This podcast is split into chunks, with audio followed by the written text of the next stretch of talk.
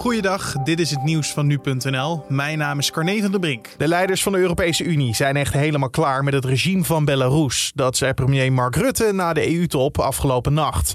De lidstaten zijn met allerlei sancties gekomen vanwege de Belarussische journalist die zondag werd opgepakt en het passagiersvliegtuig wat gekaapt werd.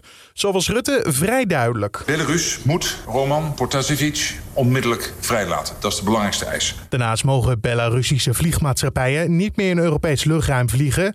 En ook vraagt de Unie aan vliegmaatschappijen in de EU om Belarus te vermijden. Gisteravond maakte KLM bekend dat te gaan doen na een oproep van premier Rutte. De sancties zullen zo snel mogelijk ingaan.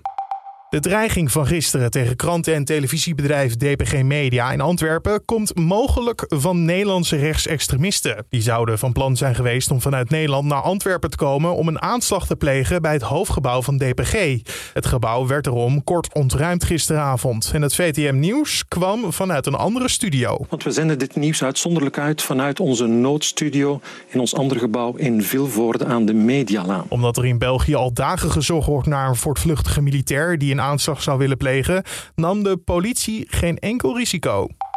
Om bij volgende pandemieën beter te kunnen reageren, moet er een nieuwe en landelijke crisisorganisatie komen. Dat zegt de GGD-voorzitter André Rauwvoet in een brief aan informateur Mariette Hamer, zo meldt NRC.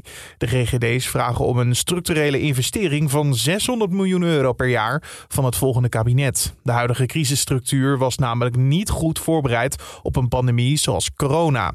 Volgens Rauwvoet misten de GGD's door de bezuinigingen van de laatste jaren het vermogen om op te schalen. Hier kregen ze ook veel kritiek op.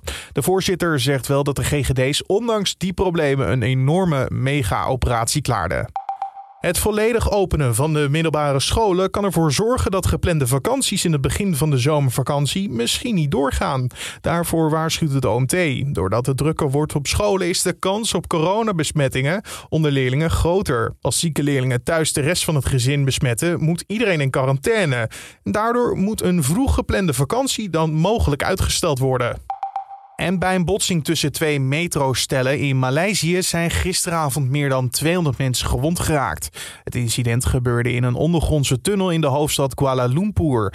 Een metro die werd gerepareerd botste frontaal op een metro met ruim 200 mensen aan boord. De treinstellen botsten met een relatief lage snelheid op elkaar en op social media is te zien hoe verschillende passagiers bebloed op straat zitten. De politie gaat vooralsnog uit van een ongeval door miscommunicatie. En tot zover de nieuwsupdate van nu.nl.